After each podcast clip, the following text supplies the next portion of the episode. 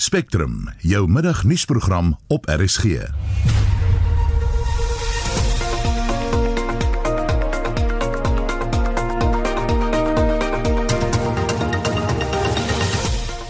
In die program daar steeds heelwat onduidelikheid oor presies wat die land se inperkingsregulasies behels. Ontleder verduidelik waarom die proses so lank vat. Sommige van die land se hoofroetes is besigger as gewoonlik, soos mense na hulle huise terugkeer voor die 3 weke van afsondering begin. Ons kry 'n oorsig van die situasie. Suid-Afrika kan moontlik binnekort self toetse vir die COVID-19 virus vervaardig. If we assess that we may be able to run out of these testing kits because we are importing them, who can actually be able to produce them in South Africa. En die sogenaamde pasiënt 31 in Suid-Korea is 'n voorbeeld van hoe een persoon die koronavirus na duisende mense kan versprei. Ons kyk na die storie. Goeiemiddag, welkom by Spectrum. My naam is Susan Paxton. 11 minute oor 1 jy luister na Spectrum. Die minister van Gesondheid, Zweli Mkhize, het bekend gemaak dat die COVID-19 virusgevalle die afgelope 24 uur skerp gestyg het tot 709. Die regering sê die oorsprong van 19 van die gevalle is onbekend. In die lig hiervan is Suid-Afrikaners opnuut gewaarsku om nie ander provinsies te besoek nie. Die belangrikheid van selfafsondering is van kardinale belang, veral in die lig van die volgende storie. In Suid-Korea is 'n een COVID-19 pasiënt moontlik verantwoordelik vir 80% 10% van die land se COVID-19 gevalle. Minstens 4000 gevalle word direk aan haar gekoppel, maar Renay Forsie is in die ateljee met die storie. En hierdie pasiënt staan aan ons bekend as pasiënt 31. Daar is onduidelik presies waar sy die virus opgedoen het omdat sy nie oor see gereis het of in kontak was met diegene wat wel die virus het nie. En daar is 'n ondersoek wat nou daaroor gedoen word.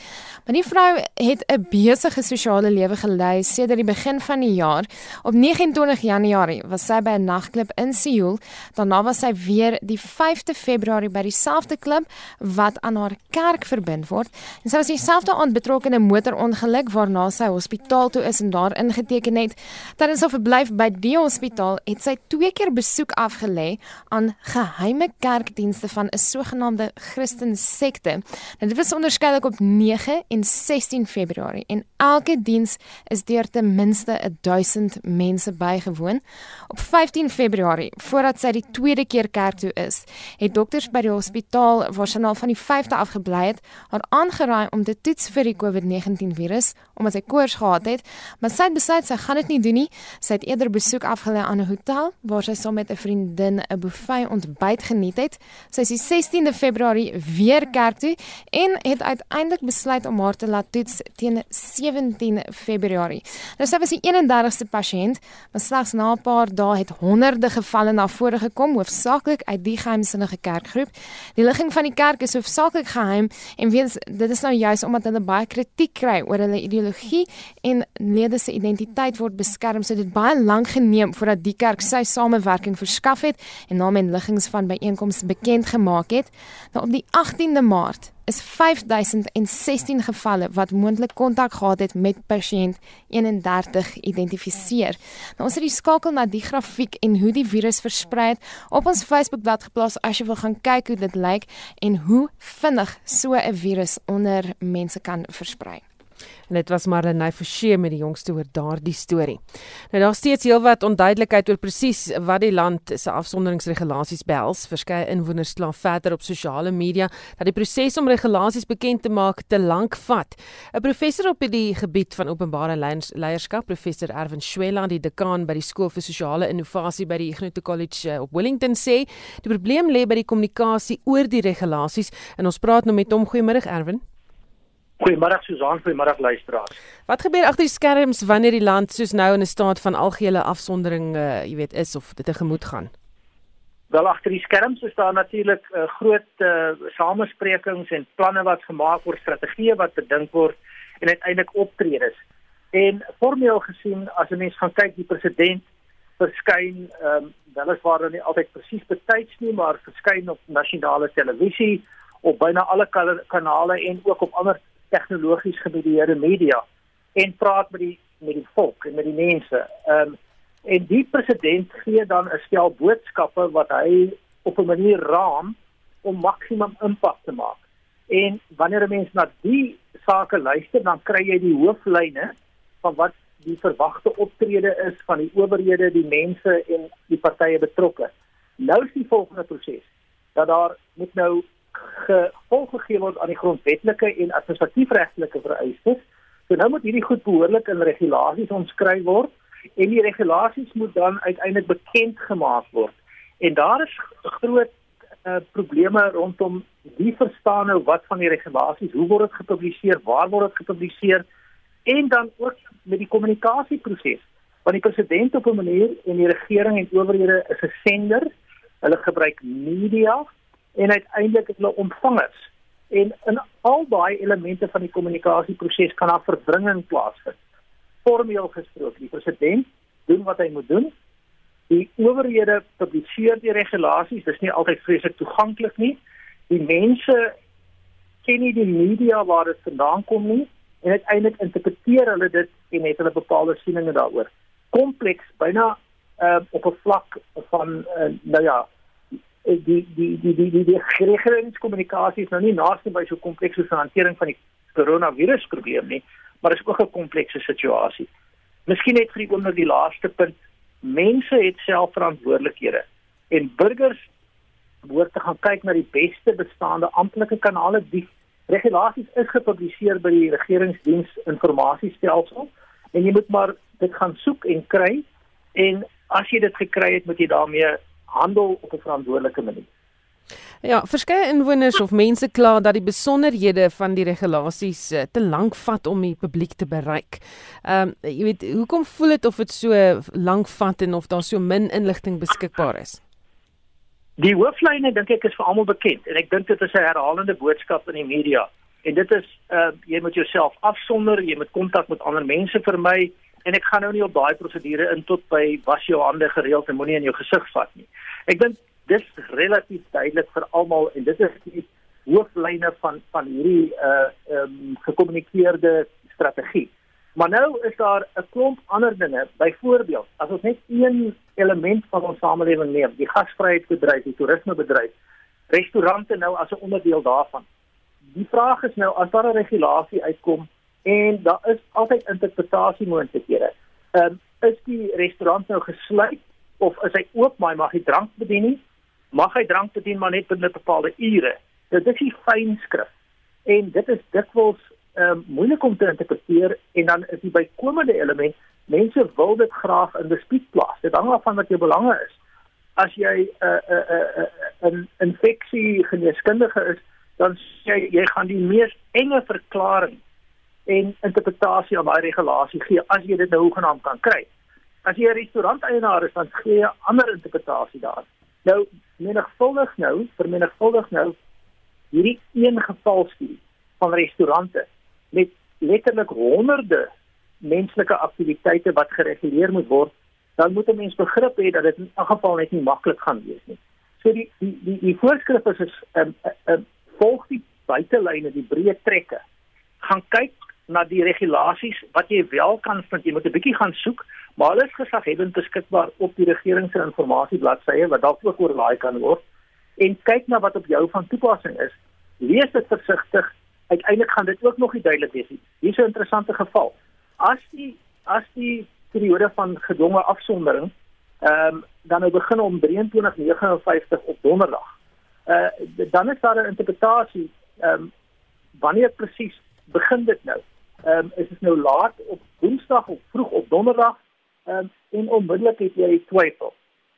Wat ek dus probeer sê is as ek dink daar's 'n werklike opregte poging om die boodskap goed te kommunikeer. Die breë lyne is bekend, maar die regulasies is moeiliker want dit is kompleks en dit raak mense op verskillende maniere en dit is ook net gewoon terminologies en taalkinders soms moeilik om te interpreteer as dit in regsterme geskryf word. Hmm. So gepraat van die regering, verskeie departemente is skielik flink aan die werk om water en behuisingsprojekte en allerlei ander projekte in departemente voor die afsonderingstydperk of gedurende die tydperk af te handel. Is hulle nie buitendien veronderstel om hierdie projekte vinnig en effektief af te kan handel nie? Hoekom is daar nou ewe skielik die kapasiteit daarvoor? Nou regeringsdienslewering in Suid-Afrika is oor baie jare 'n uh, 'n uh, 'n uh, uh, baie gedebatteerde onderwerp en waarskynlik is die regeringsdienste onderpresterend as gevolg van oneffektiewe en onetiese optredes ehm um, uh, geld wat nie goed gespandeer word nie en geld wat doodgewoon gesteel word. So dienslewering in Suid-Afrika is definitief 'n baie kontroversiële onderwerp.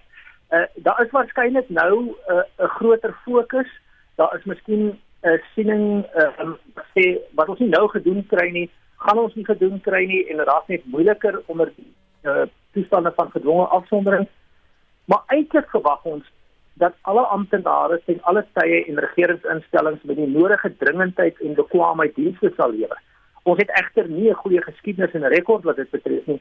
So miskien moet ons dan nou maar dankbaar wees dat dit nou ten minste dringender en belangriker is vir solank as wat dit nou nog in stand gehou word en ons gaan in elk geval groot produktiwiteitsverliese sien op grond van die periode van 'n gedwonge afsondering. So daar is nie eintlik enige wenners hier nie, maar laat ons dan maar dankbaar wees as daar nou 'n sin vir dringendheid en prioritisering is. Baie dankie. Dit was uh, professor Erwin Schwella. Hy's professor op die gebied van openbare leierskap en dekaan by die skool vir sosiale innovasie by die Huguenot College op Wellington. Daar heers steeds onsekerheid oor hoe die paaie en mense se bewegings beheer gaan word tydens die periode van afsondering. Spectrum het by die verkeersowerhede navraag gedoen oor die kwessie. Die provinsiale verkeershoof in die Wes-Kaap, Kenny Africa, sê hulle hou vanmiddag vergaderings om die beheer en bestuur van paaie te bespreek. Die minister van vervoer, Fikile Mbalula, het egter vroeër genoem dat die dienste soos Uber en Taxify geheel en al opgeskort is. Daar sal geen treine wees nie en langafstand pendel word ook verbied. Die ministers van Justisie, Misdaadvoorkoming en Veiligheid sal om 4 uur vanmiddag meer besonderhede gee oor maatreëls wat die sektore raak. Onder mense verlaat intussen Johannesburg na verskeie provinsies in die land uh, om op die vooraand van die 21 dae van algehele afsondering wat om middernag môre begin. Ons praat met die woordvoerder van die uh, N14 tolkonssessie Shamaine van Wyk. Goeiemôre Shamaine. Hi, good afternoon. Skiesie, seker die N1 konsessie. Sê gou hoe besig is julle paaie? The roads are not, the N1 and in-four toll routes at present uh, is not too busy at present, but our volumes have started to increase from 12 o'clock, although we still haven't reached the threshold of about 1,500 vehicles per hour. So Carousel northbound, we're still looking at 1,107 vehicles an hour, and Pumalani North is 1,306 vehicles an hour. So we are expecting the volumes to increase significantly, um, probably from this afternoon um, as well as during the course of tomorrow. But for the moment, they are still uh, not exceptionally busy. Watter voorsorgmaatreëls is by die tolhekke geneem? Sorry, I beg your pardon? Uh, what what's happening at the toll gates? Uh, is there specific rules, regulations uh, that's been implemented to protect mm. people? Yes, um, we do have stringent measures that have been placed at our toll plazas to curb the spread of COVID 19. These measures include um, increased communication and awareness efforts to employees, heightening the health, sanitation, and cleaning activities, and restricting access to call staff at our plazas. We've also got additional hand sanitizers, including personal sanitizers that have been made available to at plazas to all staff and um, the staff uses regularly when handling cash cards and interfacing with the public. In addition, we've also equipped each plaza with a no contact thermometer so that all plaza staff are checked upon arrival at work. This is uh, a precautionary measure that has been put in place to protect all employees. Um, should we come across an employee whose temperature is above 37.8 degrees Celsius, they will not be allowed to access the site and will be sent home and requested to seek medical assistance. Baie dankie dit was Shamaine van Wyk. Intussen uh, is die uh, bly ons by verkeersnuus en ons praat met die woordvoerder van die N3 tol konsessie Kon Roo. Goeiemôre Kon. Goeiemôre Susan. Hoe besig is julle paie? Susan, uh, vanmôre was dit normaal verkeer. En net nou het ek gehoor dat die verkeer so 1000 karre per uur in 'n noordelike rigting met ander woorde van Durban in rigting Johannesburg. So dit begin optel. Ons verwag dat uh, later vandag en veral môre oggend dit redelik besig gaan wees. En gaan julle instandhoudingswerk kan doen in die volgende 3 weke of word die dienste ook gestaak? Ja, Susan op hierdie stadium is alle sal alle konstruksiewerk môre vandag of laaste môre klaar wees. So sal daar sal geen konstruksiewerk wees nie. Met um, verband tot um, dringende werk wat miskien veroorsaak is deur botsings en so aan sal sal ons definitief probeer om um werkgewer dat kan gegewers daar en en en te bring om die pad reg te maak. En dan spesiale reëls en regulasies wat in plek is om uh, vir die wat wel die pad gaan gebruik. Ja, ehm um, Susanne se gee Engels mag um, oordra. Ehm um, die emergency measures that are in place are as Charmaine has just outlined We are at present awaiting for regulatory directive as to precisely what the situation is going to be with regards to um, vehicles on the N3. What we are anticipating is that it will be, obviously the emergency personnel will be there, but it will only be trucks and, and vehicles um, in respect of emergency or essential services. The central message that I want to convey to all the listeners today is for all of us to join in this effort and please to stay at home. On our Twitter feed and our Facebook page, we're getting a lot of people saying, um, is the N3 going to be open during the, the shutdown period? The answer is please, people, go and read the, the speech of the state president, wherein it was directed that all of us stay at home, home excepting for certain very clear um, reasons, such as to seek medical aid, and that would be local. The biggest issue of the whole lot is that we join in a national effort to prevent transmission of this disease. And just before this interview, I was reading on News 24 that Dr. Mkiz, the Minister of Health, has said that our infection rate has spiked up to 709. So clearly, folks, this is absolutely not a joke. Let us all join in the national effort to prevent transmission and to overcome this, the transmission of this virus in the shortest possible period. Baie dankie, dit was Conroo, woordvoerder van die N3 tolkonsessie. Baie mense is angstig oor die gebeure in die land weens die uitbreek van die COVID-19 pandemie. Kliniese sielkundige van die Instituut vir Sielkunde en Welstand aan die Noordwes Universiteit se Potchefstroom kampus, professor Pieter Kreer sê dit is heeltemal verstaanbaar. Maar ons praat nou met hom. Goeiemiddag Pieter. Hallo Susan, dankie vir die geleentheid. Kom ons kyk gou na die verskillende tipes reaksies wat ons nou teekom: skok, angs, woede, Ja, dis 'n uh, dis 'n verskeidenheid, die hele spektrum eintlik. Ons kry mense van wat uh, lyk of hulle glad nie omgee wat aangaan nie tot die wat kort van paniek sit op hierdie stadium. En ehm um, die die hele situasie is eintlik heel bizar. Daar's geen handboek daarvoor nie. Daar's geen uh, eintlik 'n ehm um, onlangse mense hier van enige ervaring hiervan nie. En ek dink dis wat dit vir mense so moeilik maak. Daar's niks om op terug te val nie. Net so interessant uit ons selfvertroue as mense kom gewoonlik van ons brein se waarskynlikheidsberekenings waar ons kan gaan kyk wat in die verlede gebeur het en en hoe ons self daarmee ehm um, die die situasie hanteer het en vir 'n situasie soos hierdie is er absoluut net niks nie. So ehm um, mense is besig vir regte en verkeerde redes om hulle inligting op te maak en ehm um, vir faktore wat ons binnekort kan bespreek, het dit ongelukkig 'n redelike sterk impak op hoe mense dan uit die gedragshoek uit, maar ook emosioneel op die situasie gaan reageer. Baie mense is ook angstig oor die tydperk van afsondering. Hoe moet mense dit hanteer? Die af of afswaar op sigself is 'n is 'n moeilike situasie want dit is baie onnatuurlik om ewe skielik in so 'n um, kort tydperk heeltemal jou gedragspatrone te moet verander. Ehm um, ek dink wel die die realiteit dit is vir is so vinniger ons daarbey aanpas hoe beter. Ehm um, ek dink 'n paar belangrike dinge om te doen is eerstens ehm um, kry 'n rotine. Uh, ek dink staan op dieselfde tyd op, maak seker jy trek aan. Dis dis lekker en 'n spreek vir die eerste week om in jou uh, nagklere te bly en solank as moontlik in te lê, maar dit gaan vinnig ongelukkig ehm um, uh teenwerkend raak en nie noodwendig lekker wees om te doen nie. So kry daai rotine in terme van slaap en eet. Besluit as jy moet werk, wanneer jy werk. Sit tyd op sy om saam met familie en ander deur te bring. Ehm um, bovenal kry tyd om fisies te beweeg ook. Dit is baie maklik om agter jou lesenaar in die studeerkamer vas te val of heeldag op die bank te bly lê. So klein dinge soos hierdie wat mens help om elke dag as jy opstaan en wonder wat jy gaan doen en weet hoe jy deur die dag gaan gaan, gaan mens definitief help uit 'n sielkundige hoek uit om beter um, by aan te pas. Dan is daar die wat konstant gate in die wetgewing soek, soos ons nou pas gehoor het uh, by Conroo. Hulle wil weet of die N3 oop is tydens hierdie tydperk van afsondering. Ehm um, jy weet dit is asof mense skuiwergate soek sodat hulle nie die wet hoef te gehoorsaam nie. Ehm um, hoekom hoekom die verskynsel? Hmm mense is snaakse kreature en um, ons ons sien die hele spektrum van emosies wat dan tans gebeur. So die wat paniekerig raak, jy kry ook die ander deel van die spektrum waar mense amper voel hier is nie van toepassing op hulle nie. En dis 'n interessante sielkundige konsep wat hulle uh, die in Engels noem die optimism bias. Ek dink die optimisme vooroordeel. Waar mense sien wat gebeur en hulle hulle is bewus daarvan, maar hulle voel amper dis iets wat met my gaan gebeur.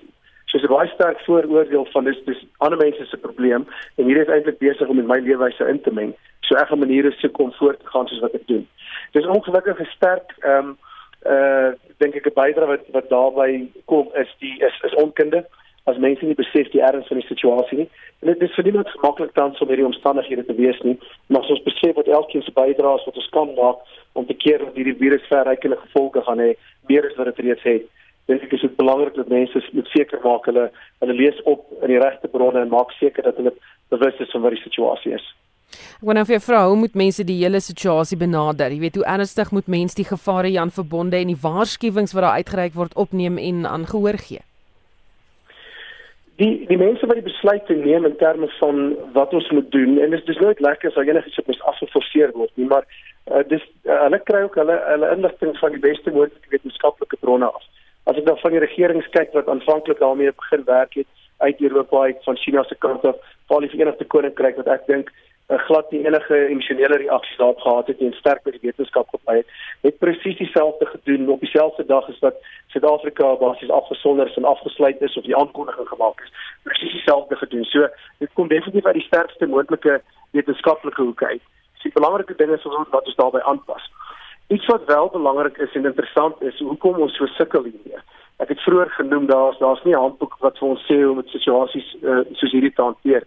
Maar ons het drie faktore as mense wat nogal sterk bydra hoekom ons sukkel. Eerstens uit 'n genetiese hoek uit is ons heeltemal bedraad en ingestel vir oorlewing. So die oomblik as ons in 'n situasie kom wat ons nie weet wat aangaan nie, wil elke ou amper soos 'n afkop hoender begin rondhardloop en sê hy dink dit is seker te maak hy's veilig.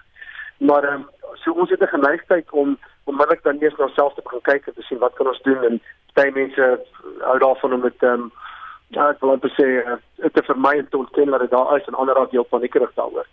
Maar tweede faktor wat dan in inspel is hoe ons taal gebruik. Daar's 'n baie interessante konsep wat hulle ehm um, die, Engelse akroniem is die, WYSIATI beginsel. Dis kort vir what you see is what there is. So wat jy sien is al wat daar is. Wat beteken dat enige inligting wat jy in jou korttermyn sien, ja, dis proporsionele invloed het op hoe jy voel en hoe jy kies om te reageer. En dit raak dis belangrik die tipe gesprekke wat ons het, die inligting wat ons lees. Ehm um, waar ons die inligting vandaan kry. Want al daai inligting wat in 'n kort termyn is, be, beïnvloed onmiddellik jou emosie in die situasie en dan ook die gesprek. So as jy heel met mense praat wat jy vertel hoe ehm um, hoe hulle is vir die situasie, paniek, paniekerig hulle is daaroor. Dit vat net vyf sulke gesprekke en dan begin jy te wonder, jy sien, mis ek iets? Uh, moet ek ook so voel en dan het ons almal ons eie ehm um, gedragsreaksies hierop om om iets daarmee te probeer doen. Maar omdat ons gedagteprosesse heeltyd deurlopend en wakker ure loop, kan dit as mens net beheer daaroor kry, 'n bietjie raak soos om 'n wiegstoel te sit waar jy het iets om te doen, maar dit kry jy eintlik nêrens nie. Al sit jy daar in die vir 3 weke, as jy opstaan is jy nog steeds in dieselfde plek. So ons moet gaan sin maak van hierdie hierdie narratief, hierdie hierdie storie wat deur ons koppe gaan tans. En een van die groot belangrike dinge daar is om regte inligting op die regte plekie te kry. Mense kan heel obsessief op hierdie stadium raak om alles te probeer lees, maar dis die derde probleem weer. Ek keer is hierdie versterkers, sosiale media wat die wat die grootste ewel is tans en dit nie die hoeveelheid van inligting daar buite kan.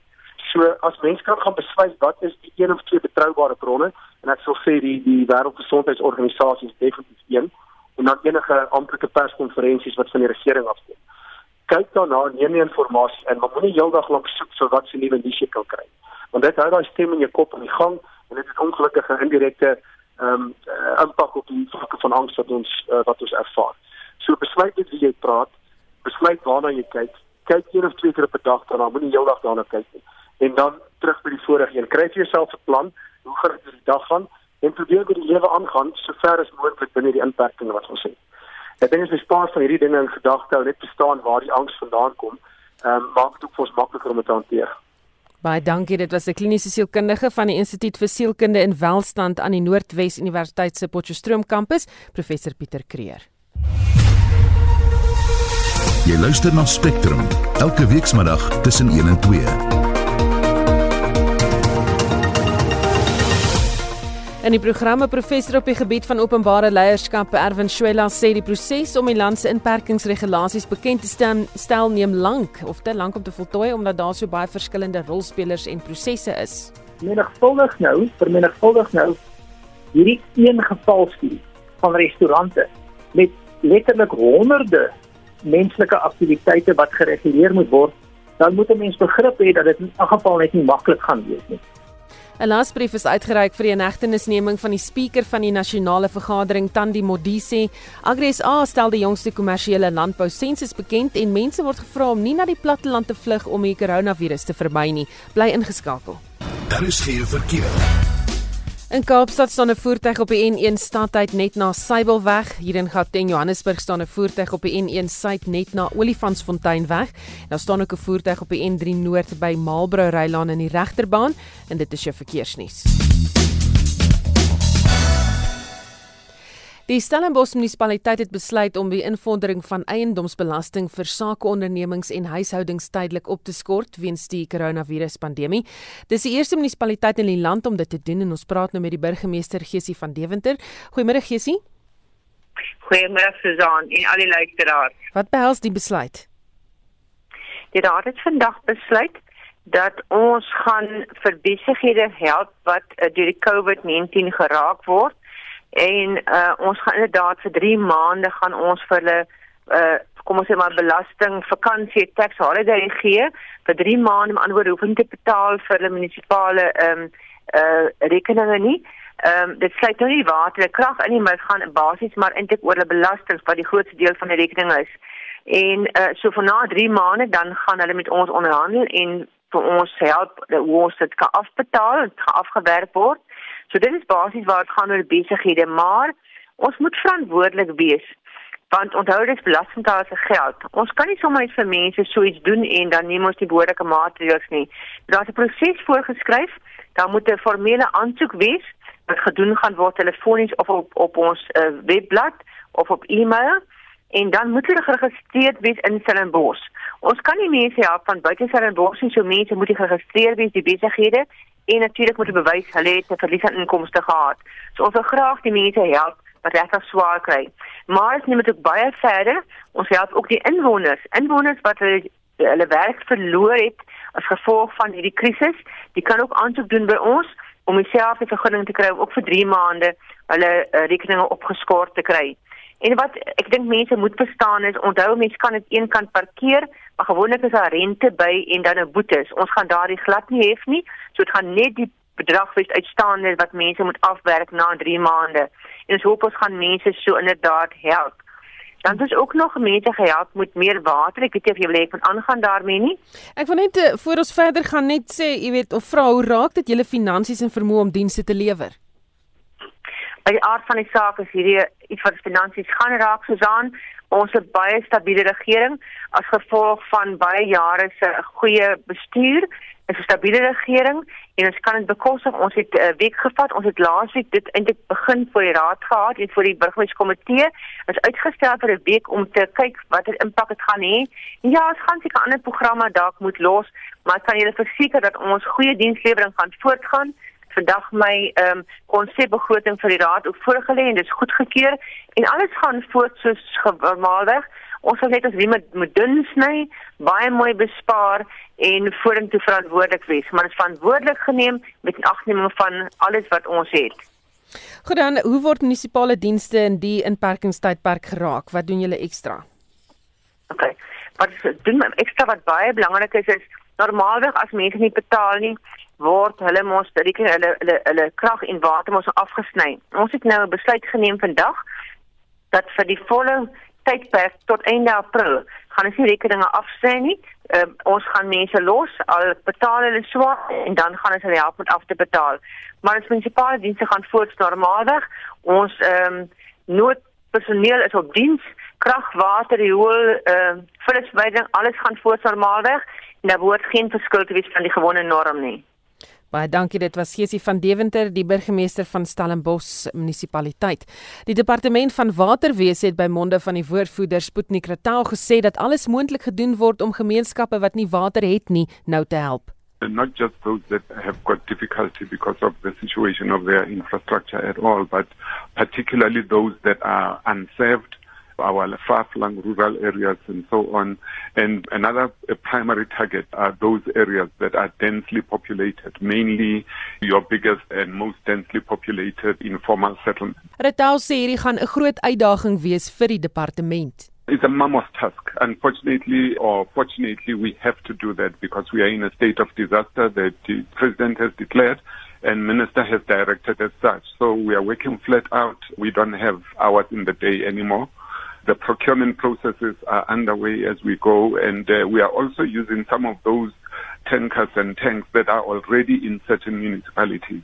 So we are not starting from point zero, but obviously we are more directed by where most of the need is going to be.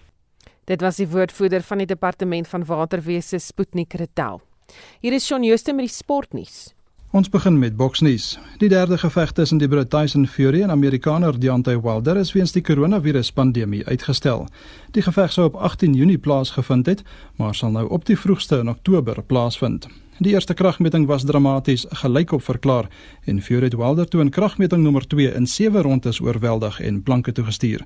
Dit was ook Wilder se eerste professionele nederlaag. Die geveg sal waarskynlik weer in Las Vegas gehou word. Spelenies. Tony Estangue, die hoof van die 2024 Parys Organiseringskomitee, het bevestig dat die 2024 spele nie deur die uitstel van die 2020 spele in Tokio geraak word nie en steeds sal voortgaan. Die 2020 spele sou van 24 Julie tot 9 Augustus plaasgevind het, maar is gister vir 'n jaar weens die koronaviruspandemie uitgestel. Die Paralimpiese spele is ook uitgestel. Laastens in sokkernuus, die Spanjaard Pep Guardiola het 'n skenking van 1 miljoen euro aan die Mediese Universiteit in Barcelona gemaak om mediese voorraad aan te koop en te produseer. Spanje het reeds meer as 2500 afsterftes weens die koronavirus. Guardiola is die afrigter van die Engelse klub Manchester City en was ook voorheen die breier van Barcelona. Shaun Jooste van RSG Sport.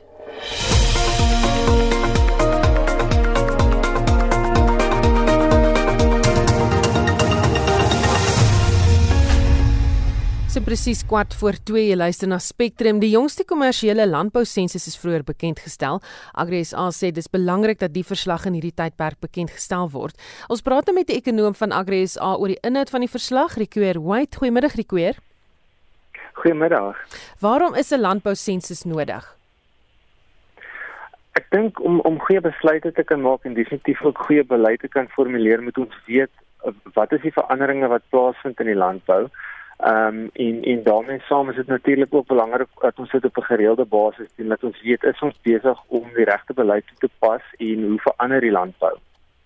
Ehm um, dan gepraat van landbou, hoe word die woord plaas gedefinieer in die sensus? So ek dink plaas is eintlik meer hulle praat meer van 'n plaaseenheid.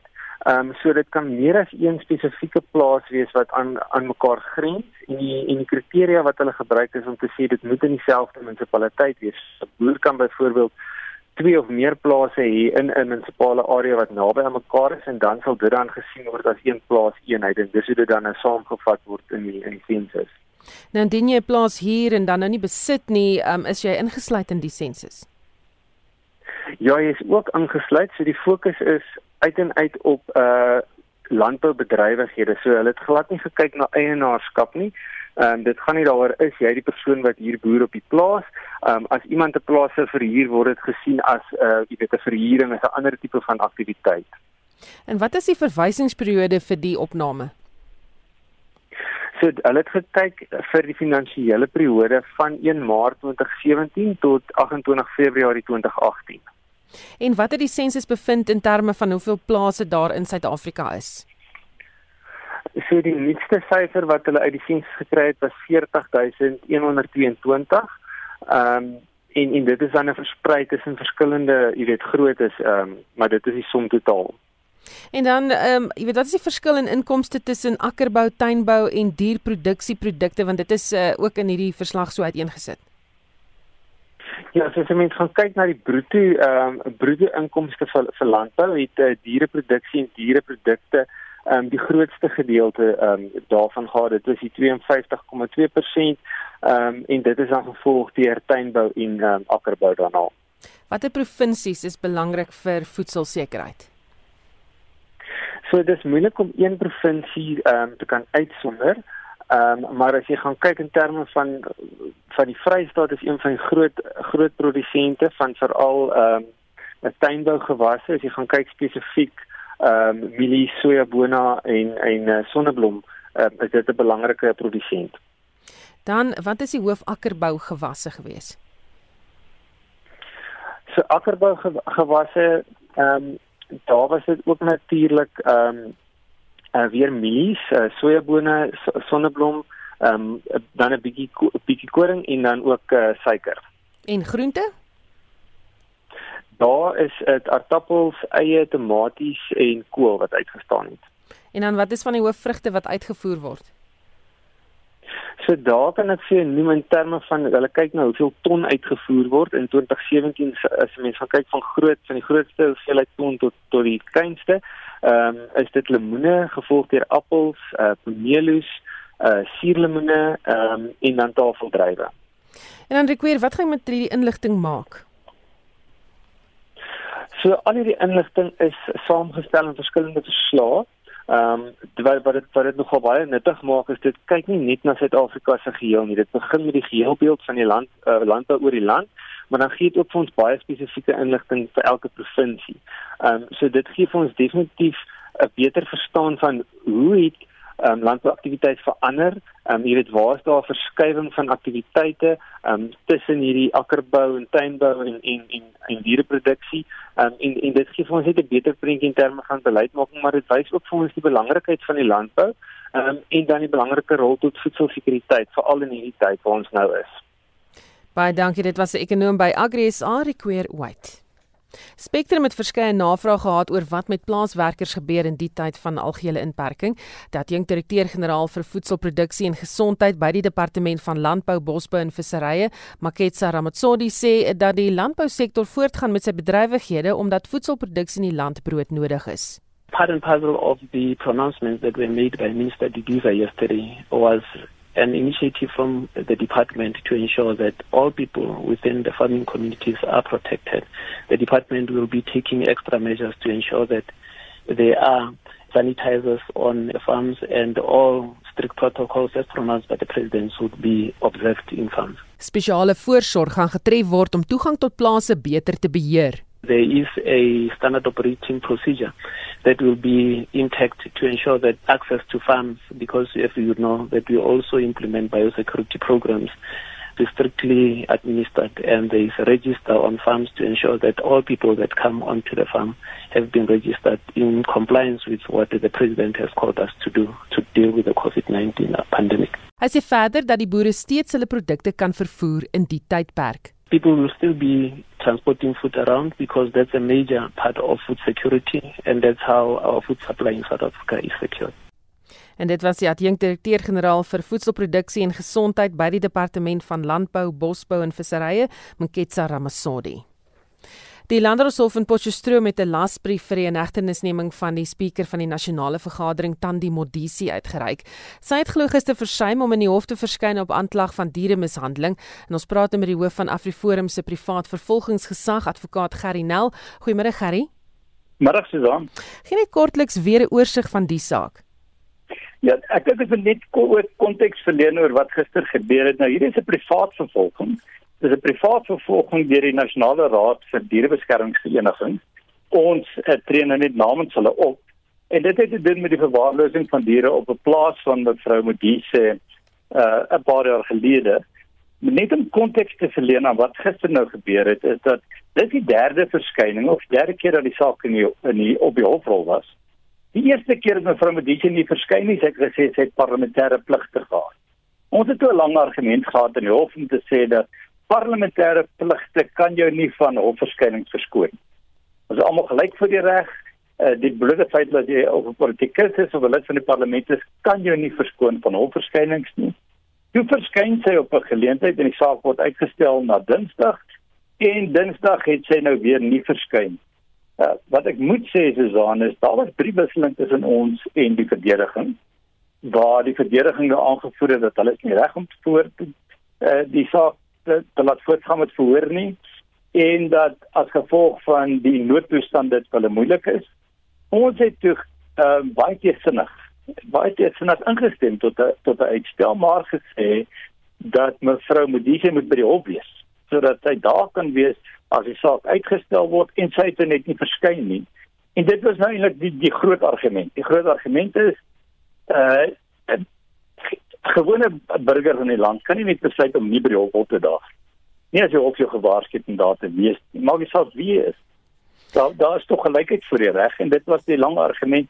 Dit was so soveel so dat die landdros meneer Mbele gevra het of het mevrou Medisi vir die president gesê sy kan nie by die hof wees want die verskoning uh, Susan wat aangevoer is in die hof was sy is in 'n vergadering met die president en daarom kan sy nie by die hof wees en die landros het toe gevra het sy vir die president gesê hy het ook gevra maar kon sy nie delegeer nie? Het sy nie uh, jink nie? Um, en Susan dit is so maklik soos as jy in die hof moet wees en jammer ek gebruik die jou as voorbeeld maar jy sê dat jy het 'n uh, uh, vergadering gehad met die hoofuitvoerende beampte. Gaan die hof jou verskoon? Die antwoord op is tog nee. En dis waaroor dit gegaan het en dis waaroor 'n lasbrief vir haar regter het nie meer uitgereik is Gary wat behels die lasbrief uh, dit is 'n lasbrief van 'n hegtenisnemer en uh, dit beteken dat uh, die lasbrief sodra die lasbrief uh uitgereik word. Die lasbrief is nou gemagtig. Ons het die lasbrief toe baie gesinniglik oorgehou tot volgende week en Dinsdag die 31ste wat nou sê nou in die hof moet verskyn. Weer is aanvoer haarself waarom sy nie by die hof kon gewees het nie. Dis 'n uh ondersoek na minnagting van die hof. En as die hof dan tevrede is, dan sal ons die saak verder uitstel.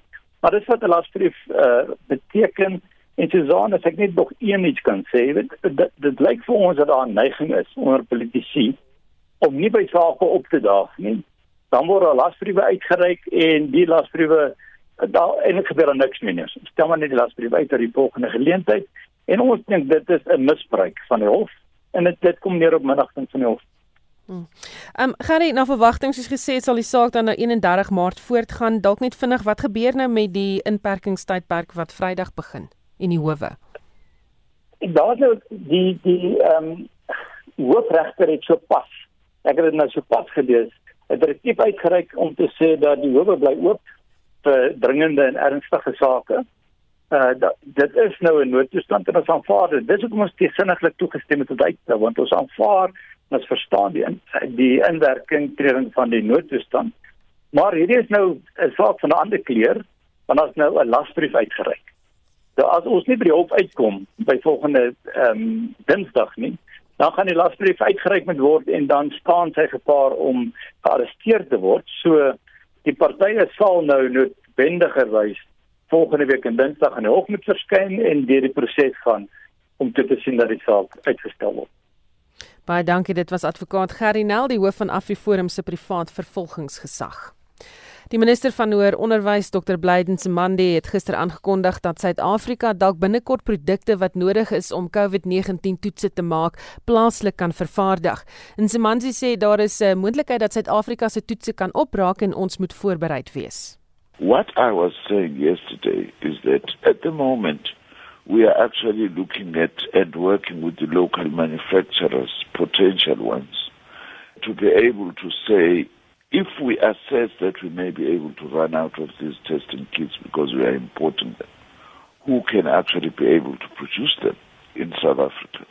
And in our working with them as the Department of Science and, and Innovation, we're working with organizations, for instance, like BioVec.